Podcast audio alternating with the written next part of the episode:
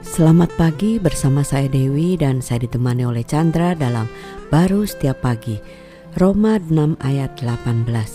Kamu telah dimerdekakan dari dosa dan menjadi hamba kebenaran. Nah, kita itu sudah benar-benar dilepaskan ya. Yang dulunya kita itu menjadi budak dosa, sekarang kita tidak lagi. Harusnya kita itu merayakan satu kemerdekaan kita ini ya gitu kan. Bahwa kita itu sudah tidak bisa lagi diperbudak sudah tidak lagi kita dikuasai kan.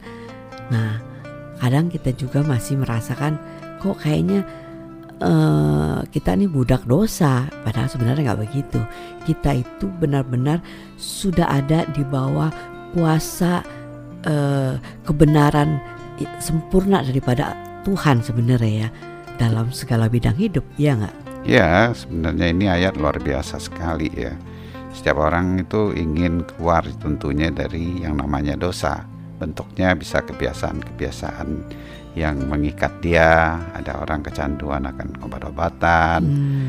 ada orang ada kebiasaan kebiasaan yang di mana dia ingin keluar ya hmm. dari eh, penyimpangan-penyimpangan yang dialami di dalam hidupnya tapi eh, usaha yang mereka lakukan itu kadang-kadang sangat terbatas ya. Dan bahkan membawa mereka terjerumus lebih dalam lagi ya. Iya sehingga ya eh, kadang-kadang ya membenarkan ya kesalahan itu untuk menghibur diri eh, untuk tidak merasa tertolak. Padahal tidak bisa. Hmm. eh, kita itu dulu itu dinamakan hamba dosa. Yang namanya hamba dosa itu budak dosa itu tidak bisa tidak kecuali melakukan dosa. Hmm. Nah itu tidak bisa kita keluar, maka itu Kristus datang. Uh, di mana yang kita tidak mampu lakukan, uh, dia lakukan, dia selesaikan di kayu salib itu. Nah itulah kita dimerdekakan dari dosa. Hmm. Tapi dia nggak berhenti sampai di situ uh, menjadi kita orang yang tidak berdosa tapi dia menjadikan hidup dia di dalam kita sebagai menjadikan kita dinamakan di sini hamba kebenaran. Hmm. Namanya hamba kebenaran artinya ya kita nggak bisa nggak kecuali melakukan kebenaran itu. Wow. Nah, cuma orang berpikir nggak rasanya saya bergumul setengah mati nggak berhasil berhasil. Hmm. Ya, karena ya kita yang bergumul kan, kita pikir kita bisa kan, hmm. padahal sebenarnya kita nggak bisa. Di sini ayatnya sudah jelas mengatakan kamu telah hmm.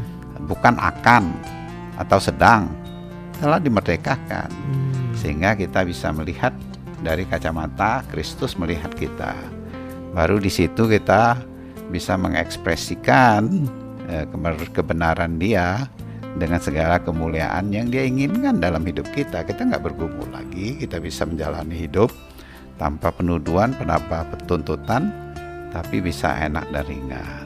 Ya, jadi tidak lagi kita merasa bahwa uh, saya masih nih masih uh, melakukan hal-hal yang uh, mengganggu hidup saya yang seharusnya tidak saya lakukan. Nah, kalau ada perasaan seperti itu gimana ya?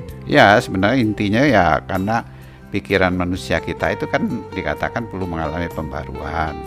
Pikiran kita berpikir, kita belum karena kita ngeliat diri kita. Betul Nah, sebenarnya kita perlu bantuan Roh Kudus mengungkapkan kebenarannya bukan begitu. Hmm. Kamu kebenarannya Kristus sudah lakukan dan sudah dimerdekakan Sudah merdeka sehingga kamu bisa menerima wow. dari kehidupan baru kita adalah hidup kebenaran Allah itu. Wow, amin. Amin.